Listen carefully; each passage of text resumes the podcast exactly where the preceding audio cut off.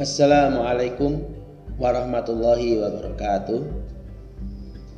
Anak-anak kelas 4 SD Wonosari Baru Hari ini Pak Guru akan menyampaikan rangkuman dari pelajaran di tema 2 Tapi sebelumnya marilah kita berdoa lebih dahulu.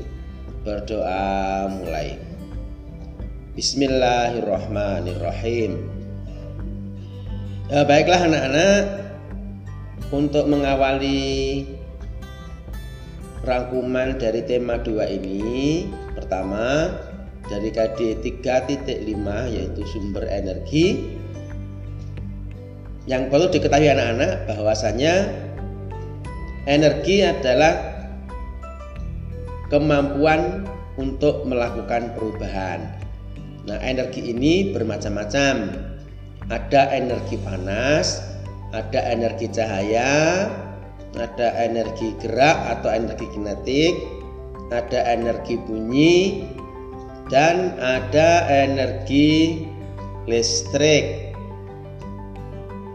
Nah, energi panas itu adalah energi yang dihasilkan dari panas suatu benda. Sumber dari energi panas ini misalnya matahari, listrik, baterai, uap, gesekan, kemudian api, dan lain-lain. Gitu. Nah, terkait dengan energi panas ini, matahari merupakan sumber energi panas terbesar di bumi. Sehingga dengan matahari itu ada kehidupan di bumi.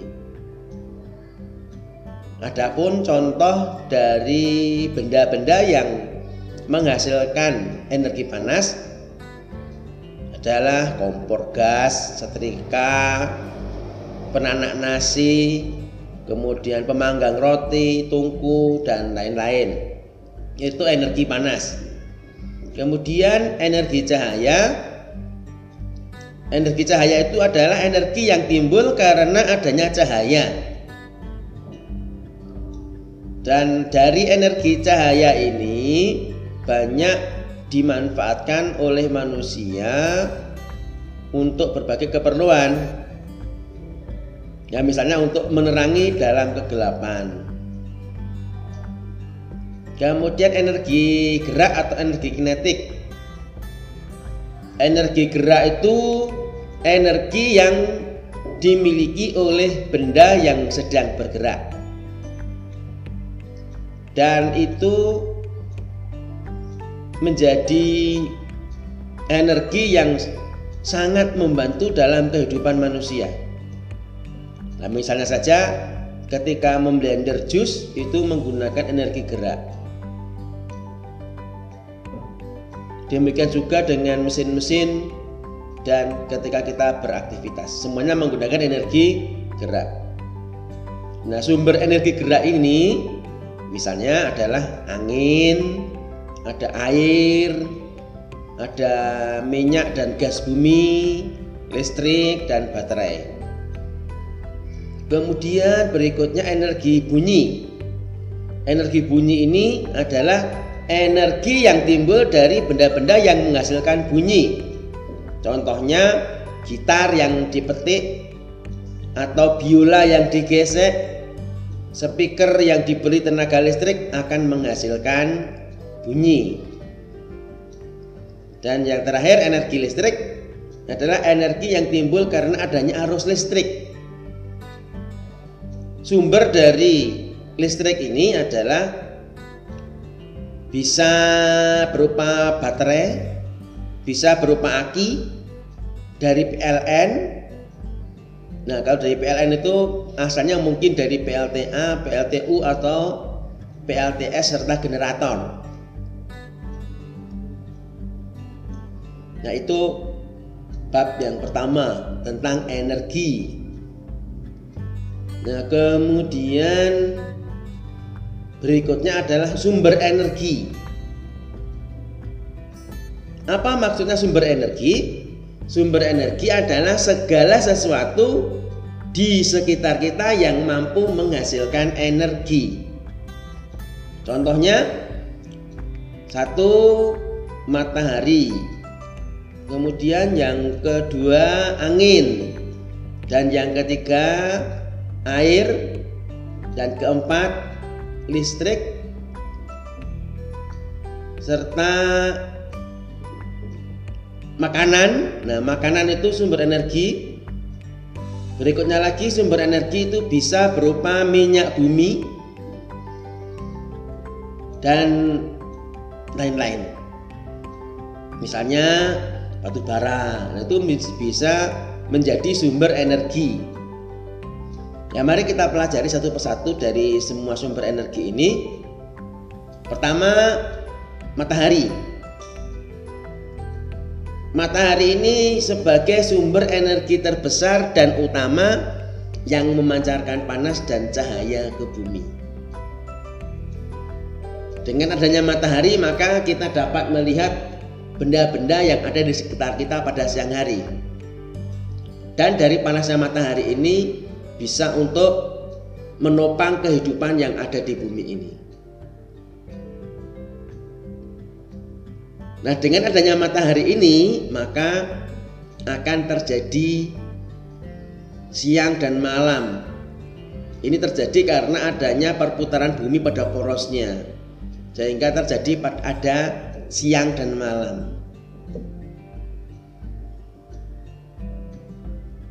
Kemudian seiring dengan kemiringan posisi bumi atau ketika melakukan revolusi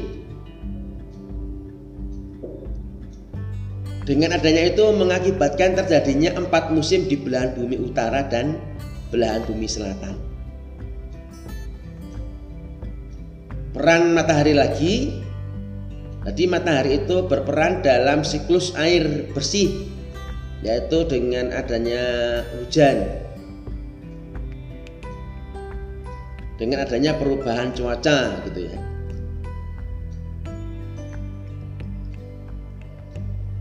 Pada saat terjadi proses hujan itu, matahari menyinari air, lalu kemudian airnya itu naik menjadi awan kemudian setelah itu turun hujan sehingga terjadilah air yang bersih. Dan bagi tumbuh-tumbuhan matahari ini membantu proses fotosintesis.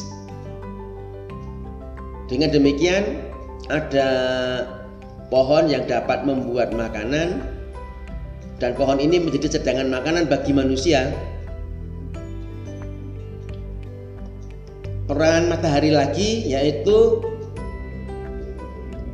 adanya perbedaan suhu belahan bumi yang satu dengan yang lainnya dan dengan adanya perbedaan suhu itulah terjadi angin.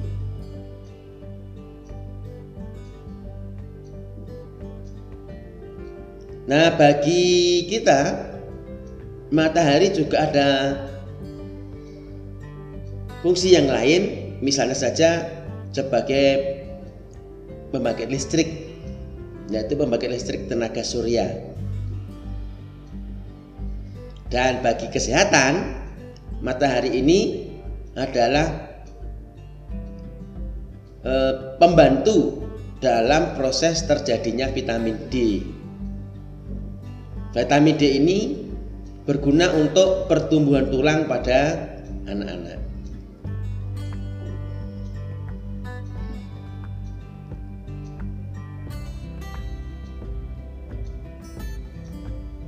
Berikutnya angin.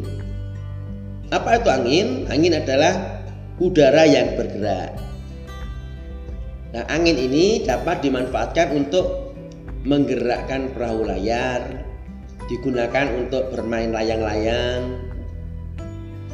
Kemudian bisa juga menggerakkan pompa air. Dan kincir angin yang modern bisa digunakan untuk menghasilkan listrik. Ini manfaatnya angin. Kemudian air. Nah, air ini mempunyai sifat mengalir dari tempat yang tinggi menuju ke tempat yang rendah. Dengan sifatnya yang demikian itu, air selalu bergerak Ketika air itu bergerak dapat menggerakkan kincir air untuk menghasilkan listrik. Dan di dalam air ini juga ada banyak olahraga. Misalnya arum jeram, kemudian polo air dan seterusnya. Dan manfaat air juga adalah untuk memenuhi kebutuhan hidup sehari-hari ya, misalnya untuk mencuci, untuk minum, untuk mandi dan seterusnya. Nah, berikutnya energi listrik. Nah, listrik ini adalah energi yang sangat fleksibel ya, sangat serbaguna.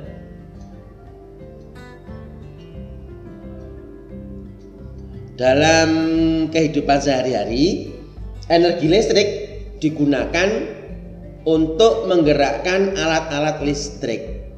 Misalnya ada setrika, ada kipas, ada televisi, komputer, dan lain-lainnya. Karena fleksibelnya bisa digunakan untuk menggerakkan semuanya.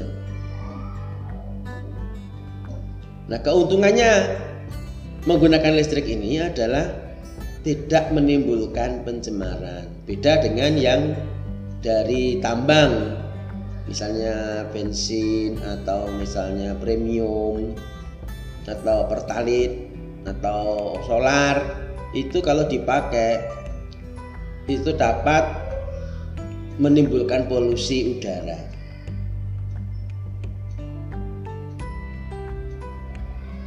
Tapi ya perlu waspada listrik ini banyak manfaatnya tapi kalau tidak hati-hati orang yang main-main listrik bisa kena setrumnya maka harus hati-hati. Nah kalau sampai konslet nanti bisa menimbulkan kebakaran atau dipegang secara langsung dapat menimbulkan orang itu tersetrum akibatnya bisa mati. Sumber energi berikutnya adalah makanan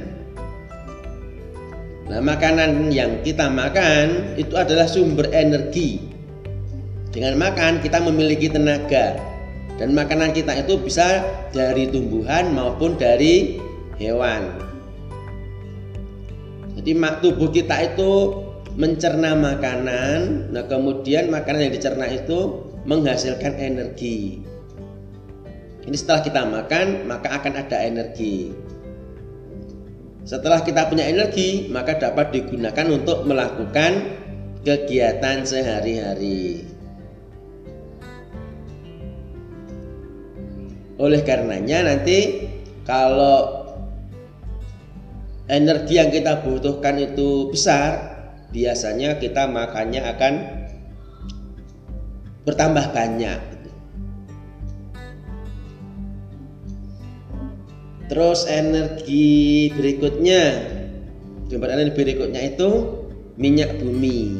Nah, minyak bumi ini diambil dari dalam bumi dengan cara ditambang. Nah, misalnya dari minyak bumi ini adalah ada bensin, ada solar, ada aftur, ada minyak tanah, Semuanya adalah minyak bumi. Dan kalau kita memiliki mobil atau motor, bahan bakarnya ya dari minyak bumi ini yaitu bensin. Kalau mesinnya diesel, maka akan menggunakan solar. Dan kalau pesawat terbang, pesawat terbang itu bahan bakarnya adalah aftur.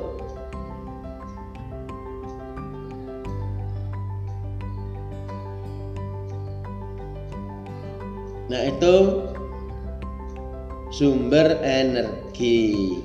Terus ada lagi batu bara. Nah, batu bara ini juga sumber energi.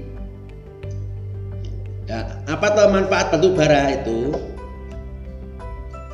Batu bara ini bisa menjadi bahan bakar kompor briket. Dengan adanya batu bara ini dapat untuk memasak dalam kebutuhan hidup sehari-hari. Batu bara juga dapat digunakan untuk bahan bakar pembangkit listrik. Dan pada dunia industri batu bara ini menghasilkan metanol yaitu bahan bakar cair untuk menggerakkan mesin di berbagai mesin-mesin industri itu. Nah, manfaat batu bara yang lain itu adalah menghasilkan gas. Nah, itulah anak-anak sumber-sumber energi yang perlu diketahui oleh anak-anak semuanya. Nah, energi ini nanti akan bisa berubah. Perubahan energi itu bisa berupa dari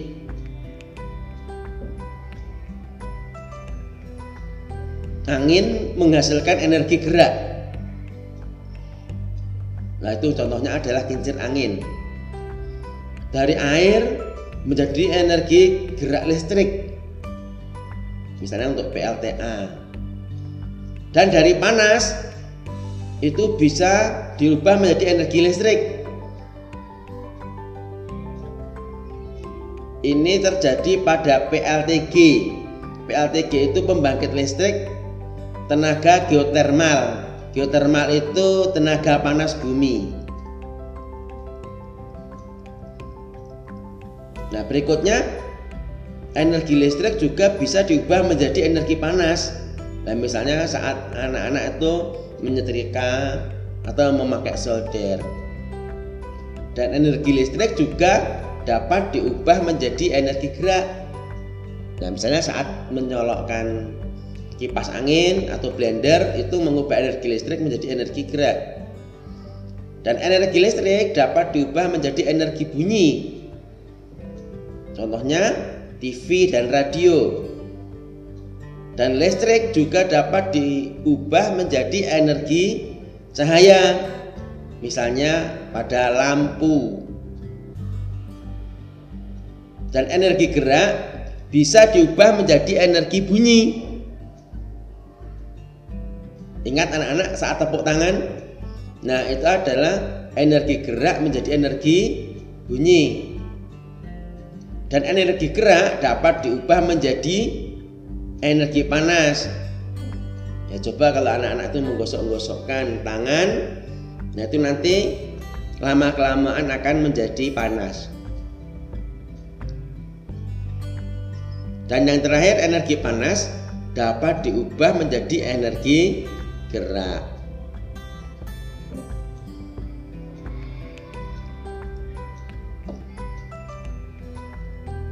Berikutnya yang perlu anak-anak ketahui adalah energi alternatif.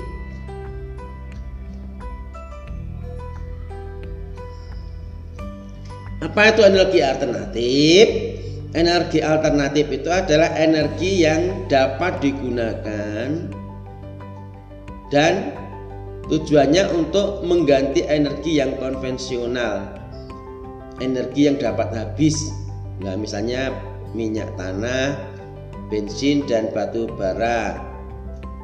Semua itu berasal dari fosil dan untuk menghasilkannya butuh waktu yang lama.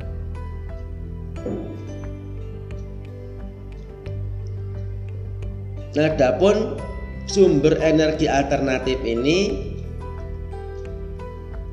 bisa dari matahari, bisa dari angin, air, gelombang laut, panas bumi, bahan bakar bio,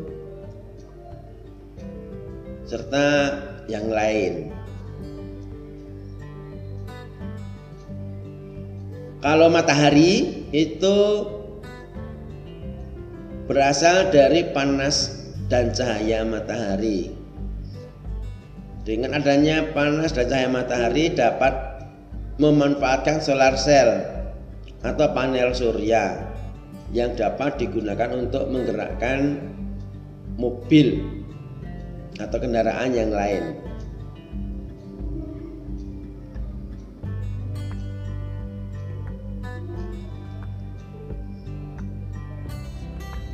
Kalau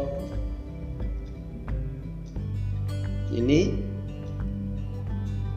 bahan bakar bio ya. Bahan bakar bio ini energi atau bahan bakar yang berasal dari makhluk hidup baik itu hewan maupun tumbuhan. Nah, misalnya apa? Bahan bakar bio itu misalnya bioetanol. Kemudian bensin dapat digantikan oleh umbi.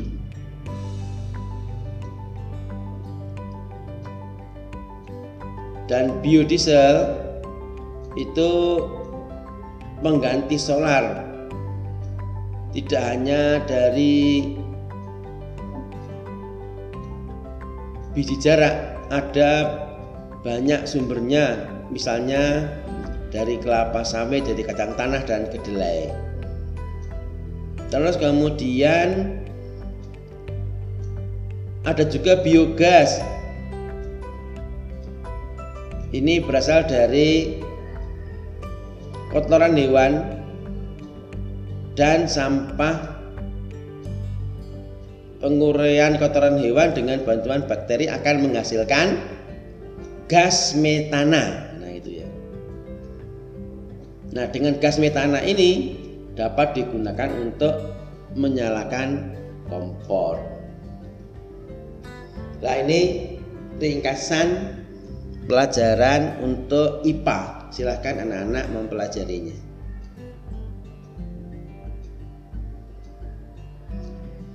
Saya kira ini dulu anak-anak yang dapat Pak Guru sampaikan.